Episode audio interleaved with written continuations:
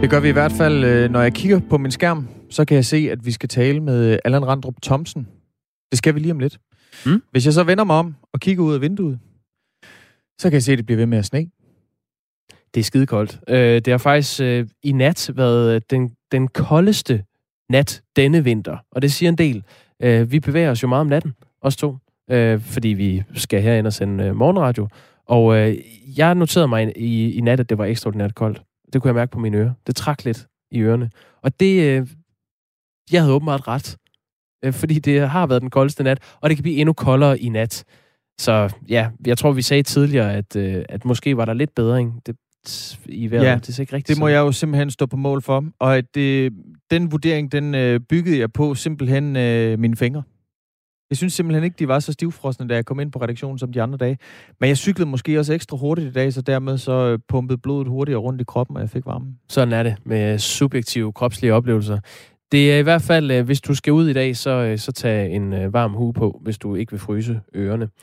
Øhm, senere, nu, nu sagde du, at vi skal tale med, med Allan Randrup Thomsen, som jo er altså professor i eksperimentel biologi, øh, om AstraZeneca-vaccinen, som er omdiskuteret. Men øh, klokken kvart i ni skal vi tale med hende her. Jeg tiltræder som ny politisk ordfører for Enhedslisten. Det er Maja Villadsen. Hun er øh, ny politisk ordfører for øh, Enhedslisten. Hun erstatter stemmeslugeren øh, Pernille Skipper på, øh, på posten. Det blev øh, offentliggjort i går. Vi tager en snak med øh, Maja Villadsen øh, om mulige kompromiser. Altså, hvor øh, skal Enhedslisten øh, stå skarpere? Øh, hvordan vil hun håndtere en regering, der går en anden vej end enhedslisten på centrale områder, når enhedslisten nu er et støtteparti for regeringen. Men vi vil gerne have dine øh, inputs til det interview. Det vil vi i hvert fald. En ting, de ting, jeg også øh, tænker er interessant, det er, at øh, den nye politiske leder af, af enhedslisten, Maja Villadsen, hun er jo simpelthen fra, øh, fra Venstre Højborgen Herning. Det er, også, interessant. Det er også interessant. Hvis du har et spørgsmål, som du gerne vil stille den nye politiske leder for øh, enhedslisten, så kan du, som altid, skrive ind til 1424 og starte din besked med R4. Velkommen til øh, den sidste time af Radio 4 morgen denne torsdag den 11. februar.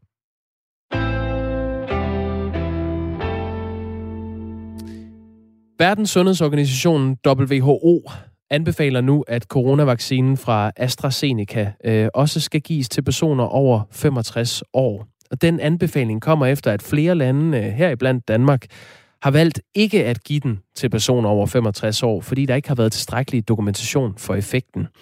Udmeldingen fra Verdenssundhedsorganisationen gør ikke, at øh, en eventuel dansk godkendelse af vaccinen til ældre lige nu rykker tættere på. Det siger Lægemiddelstyrelsens direktør Thomas Senderovits det er jo første omgang Sundhedsstyrelsen, der anbefaler, hvordan vaccinen tages i brug. Den, det ændrer jo ikke noget, det ændrer ikke noget som helst ved godkendelsesgrundlaget. Så WHO, det er jo et rådgivende organ, det er ikke en myndighed, og øh, de rådgiver om noget, som skal gælde hele verden. Allan Randrup Thomsen er professor i eksperimentel biologi på Københavns Universitet. Godmorgen. Godmorgen. Hvis øh, WHO siger god for en vaccine, øh, hvorfor er det så, at man ikke følger den her anbefaling med det samme i Danmark? Det er fordi, at, at argumentationen øh, fra WHO, og nu har jeg siddet og læst deres rapport, er ikke, hvad skal man sige, fantastisk stærk. Øhm, det er hovedpointen, sådan som jeg ser det, når jeg læser rapporten, det er, at der ikke er kommet nye data til.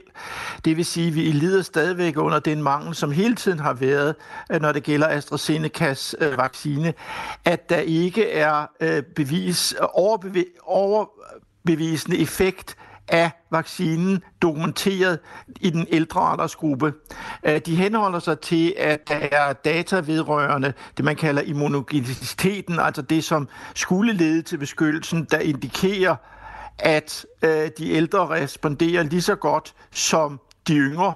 Men som sagt, der er ikke nogen, øh, der er ikke undersøgt til et tilstrækkeligt stort antal ældre til, at man har dokumentation for en effekt det er ikke det samme som dokumentation for ingen effekt, men altså vi står i det samme, øh, hvad skal man sige, vadested, som vi hele tiden har stået, øh, og derfor kan man sige, at, det danske valg, det kan være øh, lige så godt som det øh, WHO har, har, har valgt.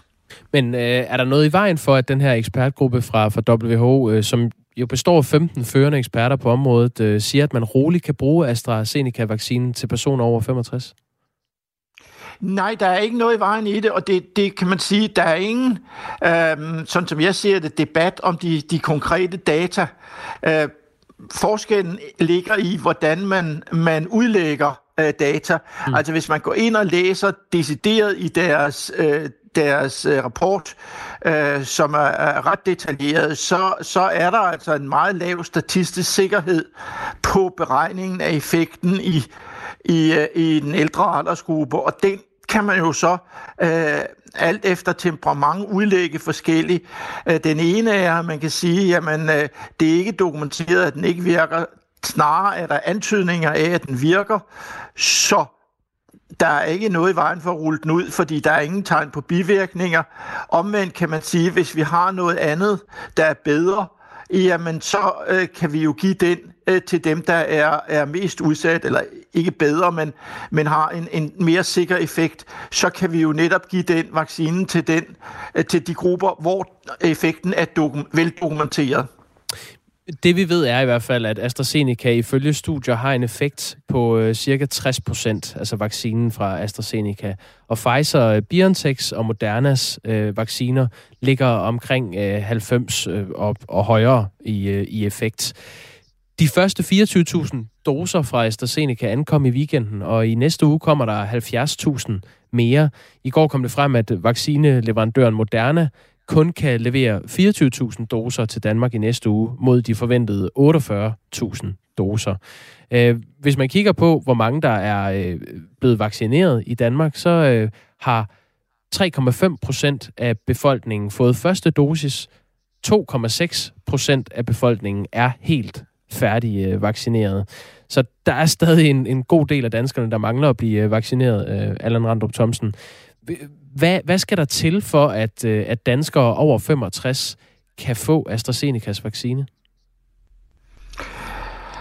Jamen, jeg vil sige, at, at, at det, vi skal derhen, hvor det bliver et valg, kan man sige, mellem slet ikke at få vaccinen inden for en meget overskuelig øh, fremtid, eller at få AstraZeneca, fordi vi kan ikke nå, sådan som jeg ser det, i løbet af den korte tid, som vi har inden for vores vaccineudrulningsprogram, at få nye tal øh, fra AstraZeneca. De har simpelthen ikke inkluderet øh, et tilstrækkeligt stort antal mennesker over 65 i deres oprindelige studier. Øh, så man kan sige, at vi, vi, under alle omstændigheder bliver vi nødt til at tage stilling til de data, der ligger nu. Og der kan man sige, at dataene antyder, at øh, der er en effekt, og det ord bruger man videnskabeligt, når man ikke har det, vi kalder statistisk sikkerhed for, at effekten er der. Øh, så, så man kan sige, altså hvis du står i en situation, hvor du mangler vacciner, jamen så er det jo øh, sådan set meget fornuftigt at bruge en vaccine, som alt tyder på virker. Vi har bare ikke den strækkelige bevisværdi til, at vi øh, kan dokumentere med sikkerhed, at det er sådan øh, over for valget, hvis man slet ikke bliver vaccineret. Så vi skal ligesom stå i det valg, synes jeg, før at det bliver relevant for alvor at øh, lægge øh, øh stilen om og anbefale AstraZeneca til dem over 65 det her, det, er jo, det handler jo om, øh, hvornår man er sikker på, at, øh, at noget er øh, tilstrækkeligt veldokumenteret til, at man kan sige, at det, det er den effekt, det har, og det er sådan, det, det fungerer. Og noget af det, man har kunne konkludere med, øh, med AstraZeneca-vaccinen, det er, at studier har vist, at den, øh, den hæmmer smitten øh, fra øh, folk, der har fået vaccinen til, til andre. Hvad, hvad synes du, det betyder for, øh, for udrulningen af AstraZenecas vaccine i Danmark, øh, Allan Rando? Ja, men der vil jeg tillade mig for det første at, at sætte spørgsmålstegn ved, hvor, hvor stærk evidensen er for, at den hæmmer smitten uh, sammenlignet med de andre vacciner. Det er jeg ikke overbevist om, at der er nogen forskel her. Øhm, så, så der vil jeg sige, der uh, uh, mangler jeg evidens for, at der er den forskel. Uh, men det er klart, at, at, at vi skal afveje, hvad, hvad er vores valg i den pågældende situation, og, og man kan sagtens argumentere for, at man kan bruge vaccinen. Der er intet, der tyder på, at der er nogen øh, fare ved at bruge den hos de ældre. Øh, tværtimod er der en række pejlemærker, der peger i retning af, at den har effekt. Vi har bare ikke den dokumentation, som vi for den aldersgruppe, og lad mig understrege, det er ikke fordi, der er noget i vejen med AstraZenecas vaccine som sådan. Jeg mener, det er en udmærket vaccine. Vi har bare ikke dokumentationen, og normalt er det jo sådan, at dokumentationen for den ældre aldersgruppe er øh, er nødvendig for at rulle den ud i den øh, aldersgruppe. Øh, så det er, man kan sige, en, en diskussion om, om formaliteter i virkeligheden, øh, som, som jo er meget relevant. Men jeg synes, diskussionen er især relevant, hvis vi mangler øh, adgang til vacciner, sådan så der er en alvorlig begrænsning på, hvor mange af de ældre, der kan blive vaccineret. Så kan man måske gå ind og reoverveje. Men indtil videre synes jeg ikke, øh, at oplægget for WHO umiddelbart giver anledning til, at man fra dansk side behøver at ændre holdning. Allan Randrup Thomsen, jeg kunne godt tænke mig at spørge dig her til sidst. Vi er jo så småt begyndt at, at genåbne. Øh, vi så blandt andet i, i mandags, der åbnede vi jo for, at øh, 0. Til 4. klasse kunne komme, øh, kunne komme tilbage på, på skolebænken igen. Så her til morgen, så læser jeg så på øh, dr.dk, at øh, en af dine øh, kolleger, lektor i matematisk epidemiologi, Viggo Andreasen, han siger, at, øh, den, at kontakttallet for den britiske mutation, øh, det næste kontakttal, øh, vi får, det kommer til at ligge øh, mellem 1,25 og 1,3. Øh, og han siger også, at vi er tættere på flere restriktioner end færre. Er det en øh, opfattelse, du deler? Altså i, i udgangspunktet ja, øh, men Øh, man kan sige, det der, det der er øh, essentielt i den her sammenhæng, det er, at jo længere hen vi kommer i vaccinationsprogrammet, øh, desto mindre relevant bliver smittetallet i sig selv for så vidt.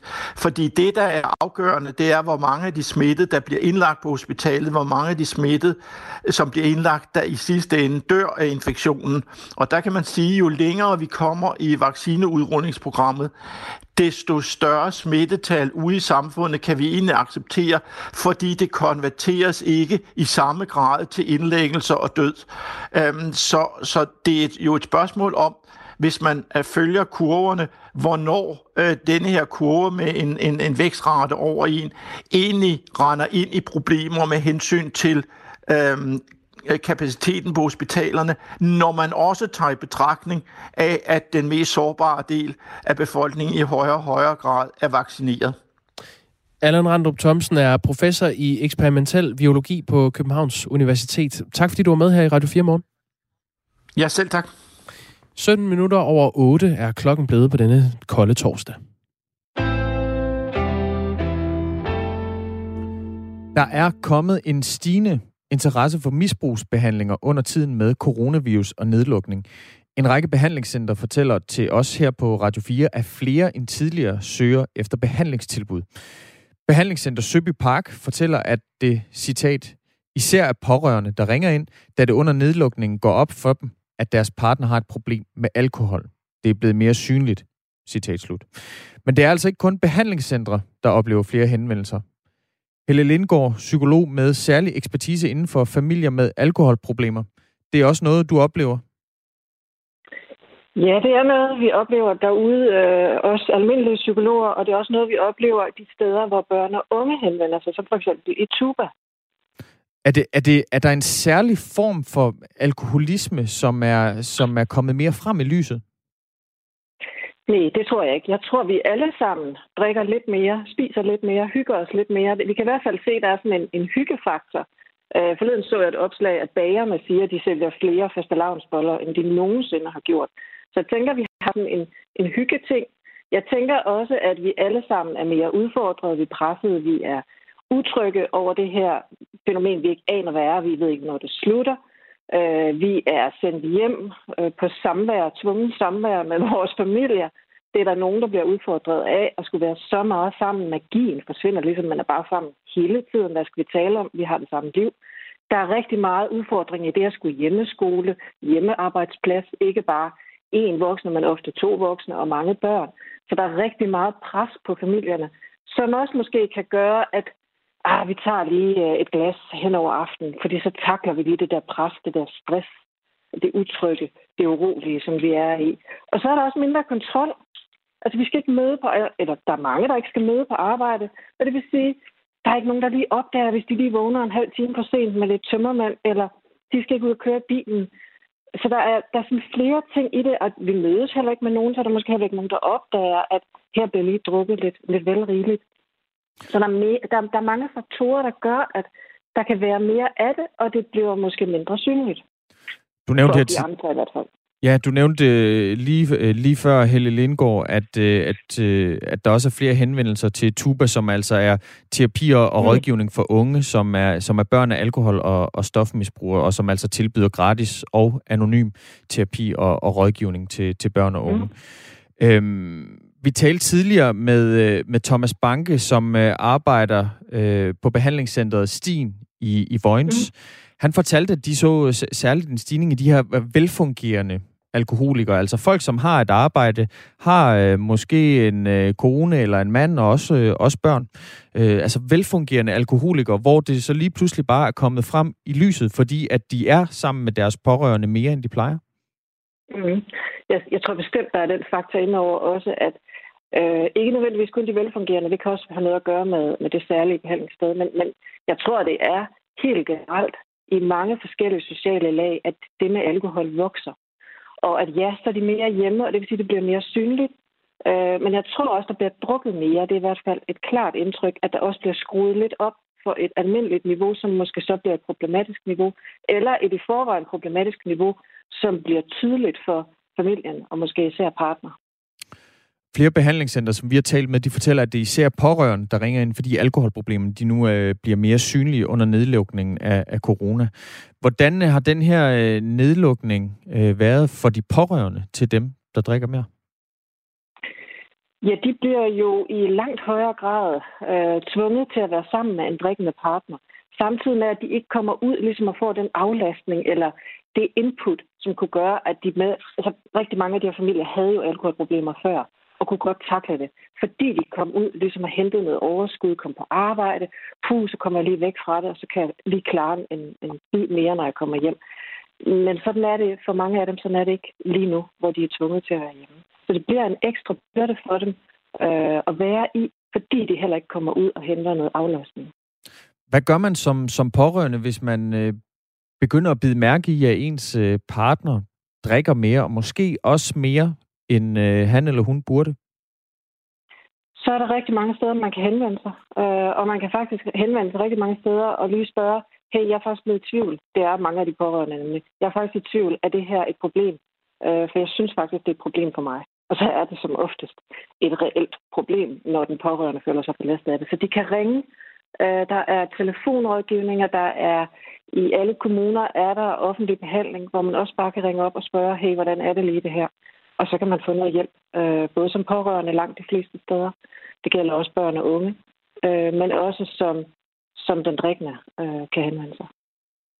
Alko, Alkolinjen, som giver anonym rådgivning over telefonen, de fortæller også, at de har oplevet en stigning på 50 procent i, i henvendelserne i, i 2020. Øhm, Mm. og, og flere behandlingscenter, de peger også på, at alkoholindtaget altså også er steget. Det er ikke bare det her med, at man, man er sammen mere, derfor lægger man mærke til det. Øh, selve alkoholindtaget er altså også steget øh, mange steder. Hvordan øh, kan den her øh, coronavirus og den her nedlukning have været med til at skabe mere alkoholisme?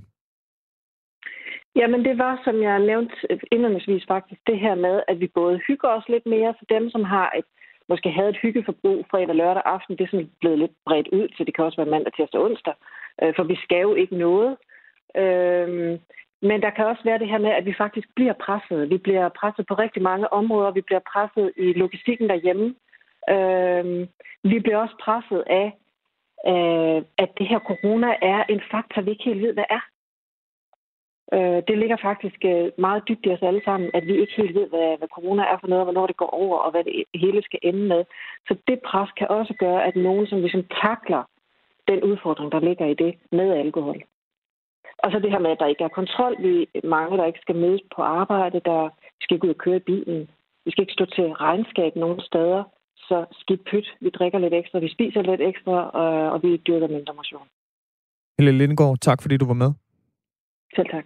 Altså psykolog med særlig ekspertise inden for familier med alkoholproblemer. Vi har talt med fem behandlingscentre, som øh, samstemmende, samstemmende fortæller, at de, øh, de oplever, at flere har søgt øh, misbrugsbehandlinger under coronatiden end tidligere. Behandlingscenter Søby Park fortæller, at de i januar i år har haft en tilgang på knap øh, det dobbelte øh, af nye patienter sammenlignet med januar øh, 2020. Også øh, Alkolinjen, som er en anonym telefonisk alkoholrådgivning, siger, at de har haft 50% flere henvendelser i 2020 end i 2019. Klokken er 25 minutter over 8.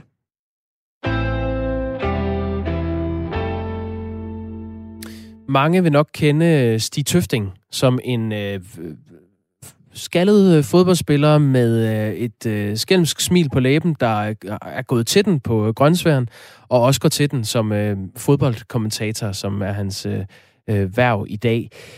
Nu vil Svalegangen, et teater i Aarhus, i Stig Tøftings egen hjemby i Aarhus, lave et teaterstykke om Stig Tøftings liv, som skal tage udgangspunkt i selvbiografien No Regrets, der udkom for 16 år siden. Morten Lundgaard er instruktør på øh, teaterforestillingen. Godmorgen. Godmorgen, godmorgen. Hvorfor er det en fed idé at lave teater om Stig Tøfting?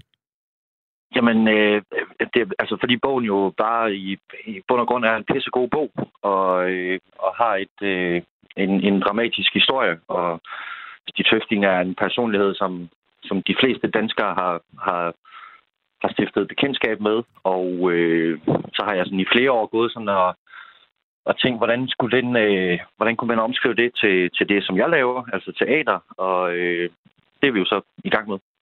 Han er jo kendt for at være en øh, person, som, øh, som tør at sige sin mening, øh, koste hvad det koste vil, og, øh, og, ja. og som går til den. Øh, hvad er det for et, et drama i Stig Tøftings liv, som, øh, som vil egne sig godt til de brædder? Jamen, øh, der er masser af, af drama. Hele hans øh, fodboldkarriere er jo, en, er jo en hel forestilling. Han øh, har, har spillet i rigtig mange klubber, og øh, så har han nogle, nogle private omstændigheder, som, som, som gør, at, at, øh, at, at alle folk i Danmark nærmest øh, ved, hvem Stig Tøfting er. Øh, både fordi, at han har oplevet det, han har oplevet, men også fordi, at han tør stå ved øh, sine handlinger. Alle har en holdning til Stig Tøfting, og det synes jeg er enormt interessant, at jeg har mødt folk øh, på min vej øh, i den her øh, proces med at lave forestilling, som sådan siger, hvor, hvorfor lave en forestilling om ham? Han er, han er bare sådan en fodboldidiot, og det er måske et for, for entydigt billede. Han er så meget mere, synes jeg. Han er i dag 51 år, Stig Tøfting, og har sagt, at han er beæret over, at Svalegangen Teateret ønsker at, at vise hans liv som, som teaterstykke. Har du selv mm. drøftet det her med Stig Tøfting?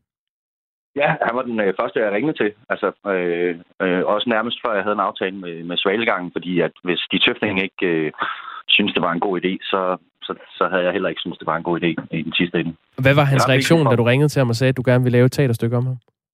Øh, han, han sagde, hvor, hvorfor skulle det være interessant? Og så, og så forklarede jeg ham, øh, at der faktisk er 120.000 mennesker, der har købt hans bog. Det gør den øh, interessant, og det er øh, et uhørt højt øh, tal for, for en bog i Danmark og sælge så mange. Og øh, jamen, så fortalte jeg ham om, hvorfor nogle idéer jeg havde til, til forestillingen, og, og det er sådan, øh, hvad skal man sige, den, den, sådan, den kunstneriske del, det, selvom han siger, at han ikke helt forstår det, så, så, øh, så er han jo med på, på toget. Hvor meget øh, sådan medbestemmelse får øh, Stig Tøfting selv i, øh, i fremstillingen af, hvordan, øh, hvordan I portrætterer ham? Men han, øh, nu, altså, han har jo givet, hvad skal man sige, sådan forholdsvis frie hænder, og, øh, og og det er jeg selvfølgelig glad for. Men det er også vigtigt, at, at Stig læser det undervejs sammen med, med Lars Sten øh, Petersen, som har skrevet bogen sammen med, med Stig. De to er, er ligesom på sidelinjen, og om, om her om tre uger, når jeg afleverer øh, anden draft af manuskriptet, så sender vi det også til, til, til Stig og, og Lars, så de ligesom kan være med. Tak skal du have, fordi du øh, lige stillede op og fortalte lidt om det her, Morten Lundgaard. Det var slet. Ha' en god dag. Ja, tak. Lige, oh, øh, lige her på faldrevet. Hvad skal den hedde? Ja. Øh, hvad skal den hedde, den hedder, den hedder No Regrets, og billetterne er faktisk allerede til salg, så det handler bare om at få dem købt. Så er det også givet videre. Det er en, øh, en for... Du har noget, Christian Hvem skal spille Stig Tøfting? Det skal Morten Kær, som okay. er en øh, skuespiller, som blev uddannet på Aarhus Teater for hvad, tre år siden, og har sådan en statur af Stig Tøfting, men, men han er allermest valgt, fordi han er en pisse god skuespiller. Tak skal du have, Morten Lundgaard. Det var det. Ha' det godt. I lige måde. Altså, instruktør på uh, No Regrets, en teaterforestilling om Stig Tøftings liv, som vil blive opført i foråret 2022 på uh, det teater, der hedder Svalegangen i Aarhus. Jeg har fundet øh, Morten Kær her. Og kunne han ligne Stig Tøfting? Øh, har du ham på din skærm også, øh, Christian Magnus? Jeg har ham her. Der skal, han skal i hvert fald lige have, have skrabet manken, men ellers så kunne det godt øh, komme derhen af. Det er jo nemt. Klokken er halv ni.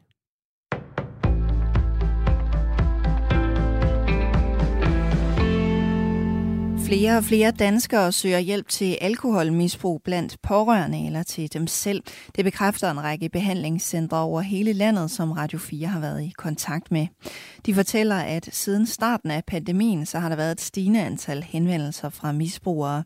I de fleste tilfælde drejer det sig om velfungerende borgere med alkoholproblemer.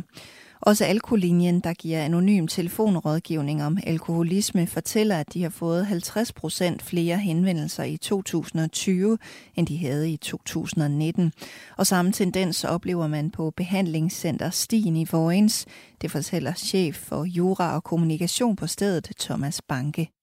Der er en større frekvens, øh, især hen på aftentimerne, øh, i forhold til folk, der ringer og spørger om de forskellige muligheder, der er for at få hjælp. Vi har en døgntelefon, vi er et privat øh, tilbud, øh, og vi har en døgntelefon, man altid kan ringe og få øh, gratis anonym rådgivning på, og der er selvfølgelig også mange, der benytter sig af den, for at høre, hvad mulighederne er for at få hjælp til at håndtere deres, øh, deres stigende eller, eller egentlige alkoholmisbrug. Ikke? Om det stigende antal henvendelser skyldes, at folk har skruet op for deres alkoholindtag, eller om det er blevet mere synligt for nogle, at de er pårørende til en person med et alkoholproblem her under nedlukningen, er svært for Thomas Banke at svare entydigt på. Ja, jeg tror, det er en god blanding af begge dele. Så det er lige en umiddelbar mavefornemmelse. Men det er en mavefornemmelse, fordi vi kan først udtale os, tror jeg, sådan rigtig sikkert om det her, når vi er lidt mere på den anden side af, af coronanedlukningen, og, og der er flere, der har været igennem de her forløb her. I en meget hemmeligholdt sag, der formentlig handler om terror, blev en mand og en kvinde i aftes varetægtsfængslet til den 2. marts ved et retsmøde i retten i Holbæk. Det skriver det regionale medie SNDK. De to blev sammen med fem andre anholdt i sagen lørdag aften. Mens de øvrige fem blev varetægtsfængslet i et grundlovsforhør i Roskilde søndag, fik manden og kvinden deres anholdelse opretholdt i tre døgn. Derfor blev de igen stillet for en dommer i aftes, og her blev de så altså varetægtsfængslet. Anholdelserne og fængslingerne kommer i kølvandet på en omfattende politiaktion i Holbæk i weekenden. Politiet vil ikke sige noget som helst om sagen, men ifølge SNDK så er der altså formentlig tale om en terrorsag, det viser politiets journalnummer. Den tyske nedlukning af samfundet bliver i store træk forlænget til den 7. marts. Det er forbundskansler Angela Merkel og de 16 delstatsledere blevet enige om på et møde. Dermed skal ikke essentielle butikker og skoler fortsat være lukkede. Der er dog lagt op til, at delstaterne i højere grad selv kan tage stilling til genåbningen af skoler. Nogle delstater har ifølge nyhedsbureauet DPA allerede lagt planer for, hvordan de vil begynde en gradvis genåbning af skolerne fra næste uge. Angela Merkel forklarer, at den fortsatte nedlukning skyldes, at man vil undgå en ny bølge af coronavirus. De gældende restriktioner stod til at udløbe den 14. februar. Merkel oplyser ifølge nyhedsbureauet Reuters, at hun og delstatslederne holder møde igen den 3. marts, hvor de så vil vurdere tiltagene på ny. I dag mest skyet vejr med snebyer på Bornholm. Ellers så kommer der nogen eller en del sol i dag, men omkring Kattegat og Lillebælt bliver det mere skyet med lokale snebyer. Temperaturerne lander mellem 2 og 5 graders frost, og vinden bliver svag til frisk fra nordøst og fra nord. Og så er der risiko for is- og sneglatte veje i hele landet. Jeg hedder Signe Ribergaard Rasmussen. Klokken 9 er jeg tilbage med flere nyheder her på Radio 4.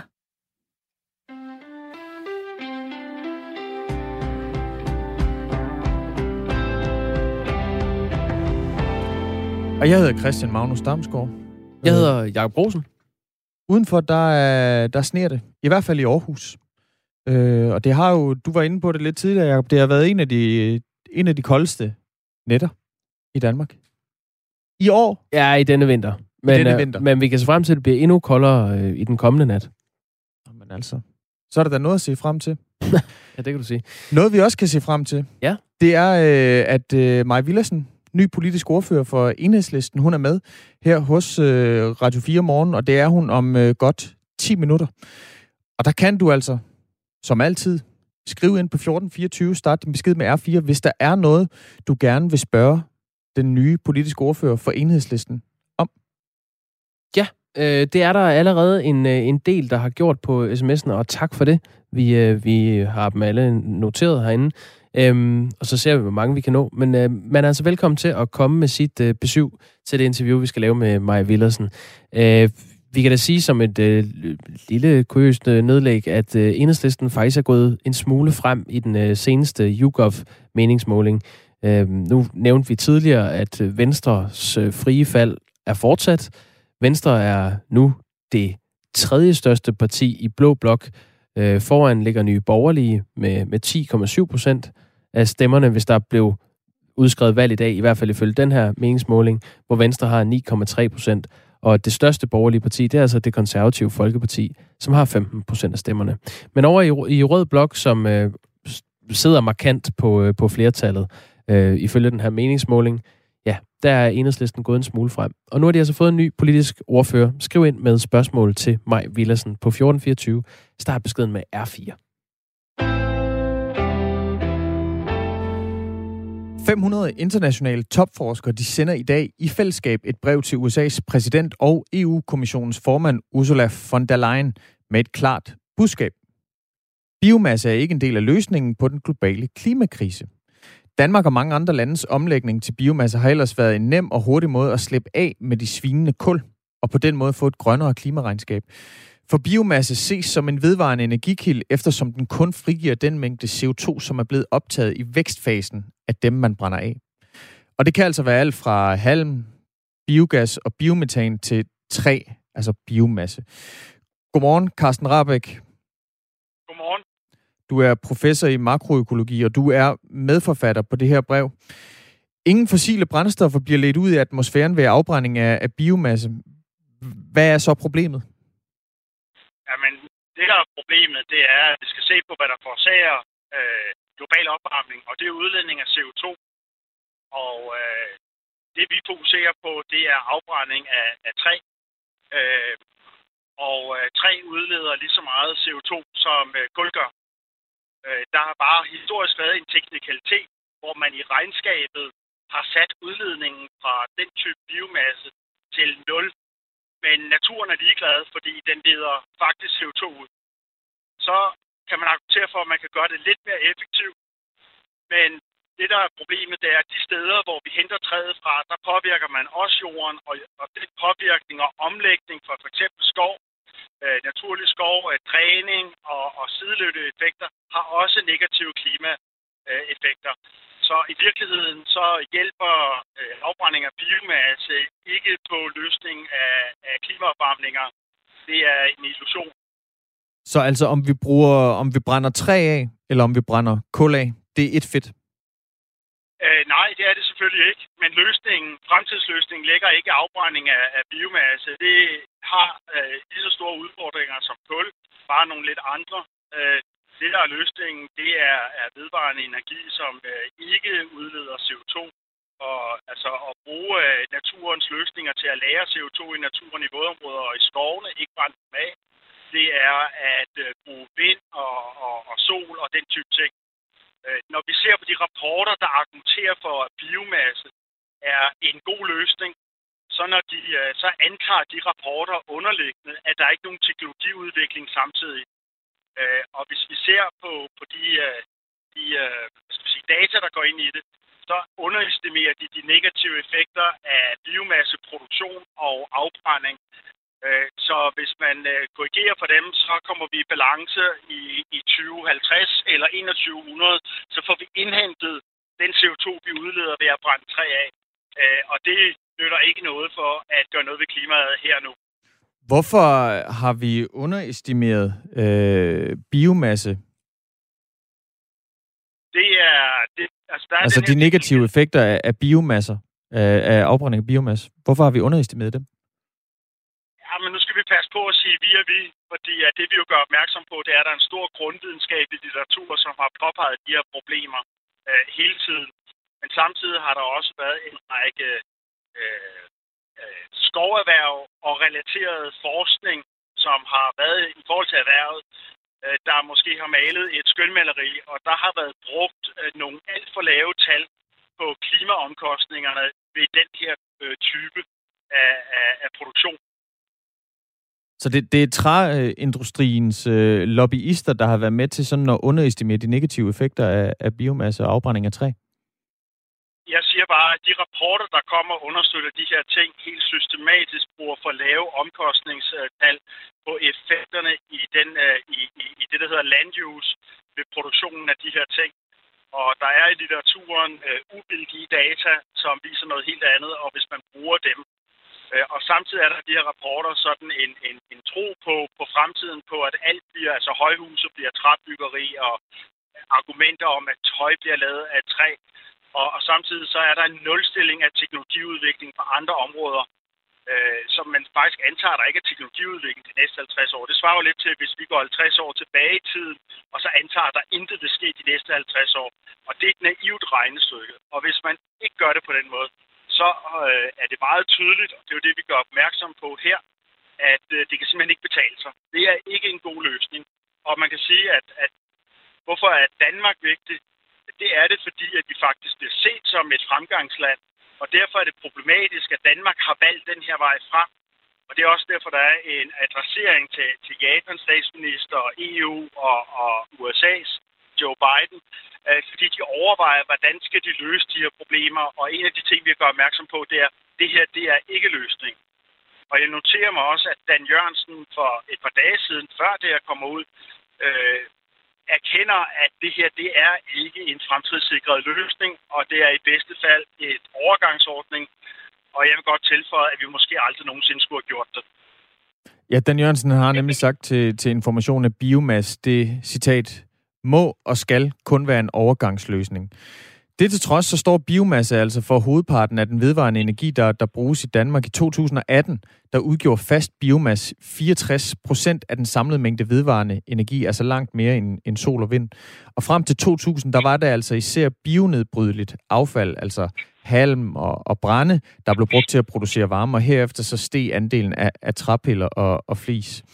Biomasse, det står altså for en del, øh, en ganske betydelig del af, af Danmarks og Europas energiproduktion. Det kan man altså ikke bare lige øh, ændre øh, fra den ene dag til den anden. Hvad mener du, øh, der burde gøres, Carsten Rabeck? Ja, men man, hvis vi går tilbage i tiden, så vil vi, så tror jeg, at uh, i dag med den viden, vi har, og man kan også sige, at, at den her kritik kommer jo fra stort set alle forskningsdiscipliner, der ved noget om det her, undtagen måske lige for, for skovproduktionsforskning. Uh, så vil vi gerne lave det om. Uh, vi har vi er, vi er nødt til at, at begynde at lave det om. Vi har godt nok lavet store investeringer. Man kan sige, at, at, at det er måske nogle investeringer, vi ikke skulle have lavet. Men vi har også et globalt ansvar. Vi vil jo gerne tage, tage lead på det her. Og der er mange lande, der ser på Danmark og siger, at det var dog en genial løsning, især fordi det teknisk tæller 0. Så vi, hvis vi alle lande begynder at snyde på, på vægten, så får vi virkelig et problem. Men det betyder også, at øh, vi i Danmark skal være, have en meget åben erkendelse af, at det her var måske ikke det smarteste, vi skulle have gjort. For det er vigtigt at få kommunikeret til, til resten af verden, som kigger til Danmark som et forgangsland, på, at det her løsning, og det er det ikke. Så vi skal selvfølgelig i gang med, øh, med de andre løsninger, og, og det er naturbaseret, altså det er at lade træ stå og få mere skov og få mere vådområder, og så er det kombineret med teknologiske løsninger. Det er vejen frem til at håndtere de globale klimaforandringer. Carsten Rabeck, professor. Ja, skulle du til at sige noget? Nej. Nej, så vil jeg sige tak, fordi du var med. Det var så let. Carsten Rabeck, altså professor på Københavns Universitet i makroøkologi. Og det var altså i weekenden, at klima- og energiminister Dan Jørgensen fra Socialdemokratiet, han sagde til Information, at biomasse må og skal kun være en overgangsløsning. Citat slut. Hvor lang den overgang så bliver, det øh, følger vi med i. Klokken den er i hvert fald blevet 16 minutter ind i.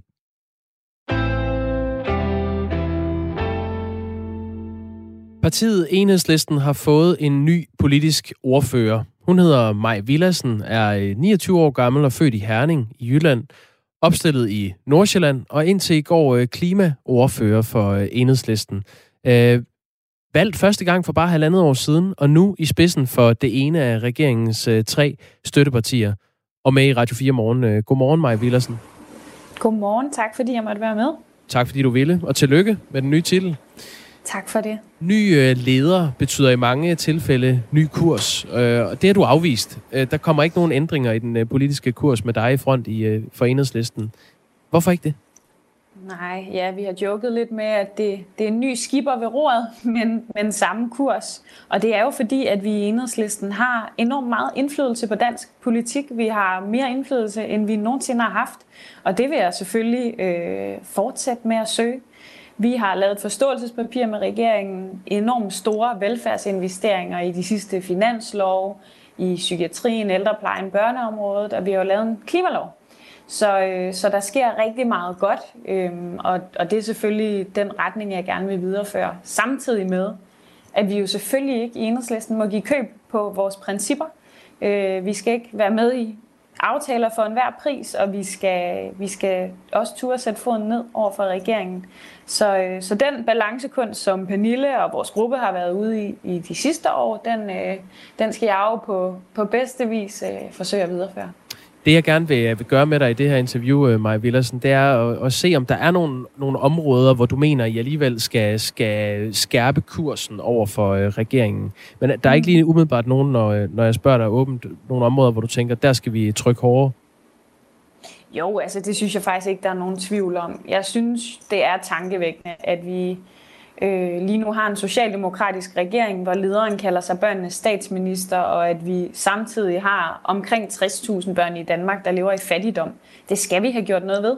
Øh, og det er, det er den første opgave, jeg vil gå til øh, benhårdt, øh, fordi vi skal forhandle blandt andet ydelser i det her forår. Og så, øh, så har jeg jo også øh, måske været en lidt rapkæftet klimaoverfører, fordi jeg synes, det går for langsomt, og det vil jeg selvfølgelig øh, blive ved med at presse regeringen på, at vi får hurtigere klimahandling. Alright, det, det vender vi tilbage til, Maja Villersen. Lad os, øh, lad os prøve at se nogle af de her politiske områder, hvor regeringen vandrer en lidt anden vej, end, øh, end I kunne ønske jer i, i enhedslisten. Der sidder stadig danske børn i lejre i Syrien, og regeringen nægter at tage dem hjem. Hvad skal konsekvensen være i dine øjne, hvis den kurs fastholdes, og børnene bliver dernede? Jamen, for det første, så må jeg bare sige, at jeg synes, det er ikke bare tragisk, det er et kæmpe svigt af de børn, som er danske statsborgere, som er vores ansvar, og som nu sidder dernede i lejre, hvor, hvor, de, jamen, hvor eksperter jo siger, at de er truet på livet. Ja. Så det bør regeringen jo gøre noget ved nu og her. Også i øvrigt, når øh, Mette Frederiksen kalder sig børnenes statsminister. Men der er de jo siddet, Men, øh, Maja Villersen, der er de jo siddet i, øh, siden Mette Frederiksen blev, blev statsminister. Ja. Der, har ikke, der er ikke sket noget. Øh, den tidligere øh, skipper, Pernille i enhedslisten har ikke øh, formået at, at få regeringen til at, at ændre kurs på det her. Hvad, hvad vil du gøre? Ja, altså i enhedslisten tror jeg næsten ikke, jeg kan tælle, hvor mange spørgsmål vi, særligt vores udlændingeordfører Rosa Lund, har stillet, hvor mange samråd vi har heddet regeringen i, og det vil vi fortsætte med. Desværre er der jo ikke en, en enkel opskrift på det at få børnene hjem, fordi at der i dansk politik er så bred en konsensus omkring udlændingepolitikken ind over midten. Så, øh, så ligegyldigt om, øh, altså, om det var værmund eller hvad ved jeg ved roret, så, så, så er risikoen jo, at de ikke kommer hjem. Det er jo så dog trods alt lykkedes os i enhedslisten at få rykket nogle øh, hegnspæle på udlændingepolitikken mm. i forhold til kvoteflygtninge, i forhold til børnene på Sjælsmark, og jeg håber, at vi kan gøre det samme. Og det er jo også ved at appellere til befolkningen og til baglandet i Socialdemokratiet om at lægge et pres på regeringen. Øhm, men Maja vi kan ikke gøre I, det alene. Nej, men I er jo støtteparti for regeringen. Skal det have nogen konsekvens, at de øh, danske børn de sidder i lejre i Syrien? Jamen, altså, hvilken, altså, vi gør jo alt, hvad vi overhovedet kan, men det er jo et svært politisk område, netop fordi mandaternes logik tilsiger, at lige nu er ræset altså ikke om, hvem der kan lave en mest human flygtningepolitik på Christiansborg, men hvem der kan lave en mest hardcore. Så derfor, øh, for at være helt ærlig selv, hvis jeg satte Mette Frederiksen stolen for døren, væltede regeringen, og der kom en borgerlig regering til, så vil børnene jo ikke komme hjem. Så vi skal forsøge at presse hende indenfra, øh, som vi har gjort hele vejen igennem, og som jeg håber kommer til at give på det. Og nu siger regeringens egne eksperter jo, faktisk, at øh, særligt den ene pige med PTSD, der sidder dernede, er dybt, dybt, dybt øh, skadet. Og, øh, og det hiver vi da øh, Flux, udenrigsministeren, i samråd på. Lad os øh, kigge mod øh, klimaindsatsen og øh, den her øh, fortælling om hockeystaven, som regeringen har, øh, har lænet sig op af. Altså, at man skal øh, spare noget CO2 nu og her, men delen af besparelserne skal findes ved at investere i nye teknologier, som i slutningen af årtiet gerne skulle øh, spare rigtig meget øh, CO2. Maja Villersen, hvad skal konsekvensen være, hvis regeringen fastholder en øh, klimapolitisk linje, som øh, skyder de mere indgribende reduktioner til senere, og, øh, og så ligesom baserer sig på teknologisk udvikling? Jamen, måske vil jeg for det første understrege, at det er jo ikke fordi, vi i enhedslisten har noget imod teknologisk udvikling, men, men der er en grund til, at vi synes, man skal, at regeringen bør, hvad kan man sige, sende hockeystaven på genbrugspladsen. Og det er, at der jo også er, øhm, ja, det bliver lidt teknisk, og nu er jeg jo også øh, skadet ved at være klimaoverfører, men der er jo en del akkumuleret udledning, som vi så ikke får reduceret med frem til da. Og hvad kan man sige, risikoen er jo også, at vi gambler med 70% målsætningen, og hvis, ikke, hvis vi fører hockeystavstrategien. Og derfor er jeg rigtig glad for, at vi har indrettet klimaloven sådan, at Klimarådet her til slut februar kommer til at vurdere, om regeringens hockeystavstrategi holder, om regeringen faktisk er på sporet mod de 70 procent. Og hvis ikke de er det, så vil vi tvinge dem tilbage til forhandlingsbordet. Hvordan vil I tvinge dem? Jamen, øh, i enhedslisten er vi bestemt ikke øh, for fine til os at lave flertal udenom regeringen, hvis der er noget, der er vigtigt for os. Og, øh, og jeg kan da ikke forestille mig andet, end at højrefløjen selvfølgelig også er klar til at kræve af regeringen, at de øh, leverer mere. Tror du det? Ja, det tror jeg bestemt. Altså, nu er det jo også sådan, at et bredt flertal i Folketinget har skrevet under på klimaloven med 70% målsætningen det er jo ret fantastisk, i og med at det kun var enhedslisten og Alternativet, der synes 70% målsætningen var klog, bare tilbage i 2019 foråret. Øh, men nu står et bredt flertal på den målsætning, og det er jo altså rodfæstet ved lov.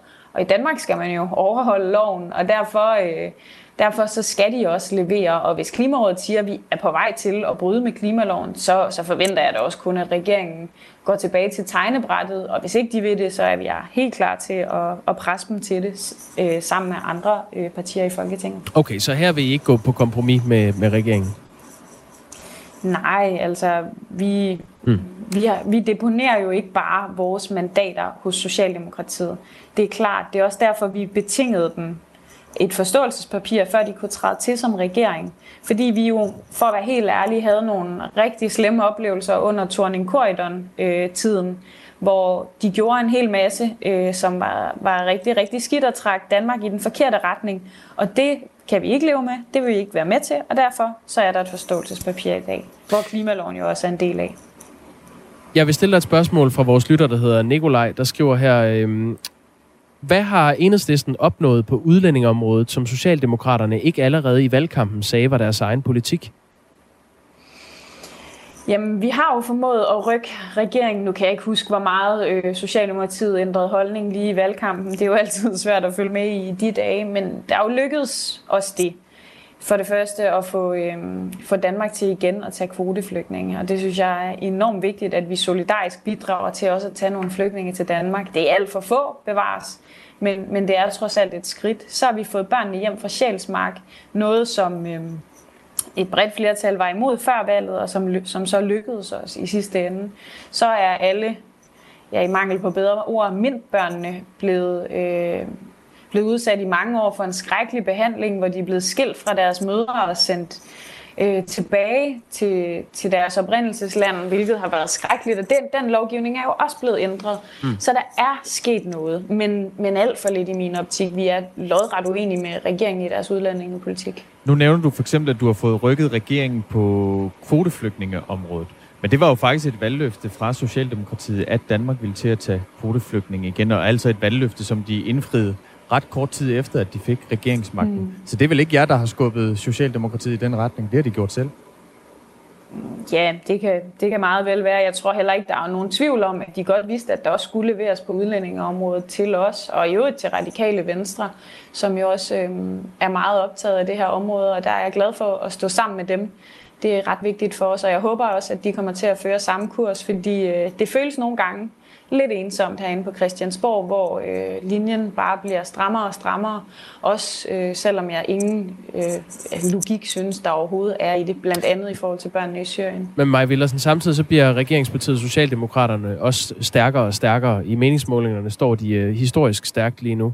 Øh, mm. Regeringen har jo meldt ud, at man vil stramme kravene for tildeling af statsborgerskab, og man ikke har afvist at gå i forhandling om blandt andet krav fra Venstre om øh, sådan nogle demokratisamtaler med ansøgere, som skal sikre, at man øh, har et demokratisk sindelag, når man øh, ansøger om statsborgerskab i Danmark.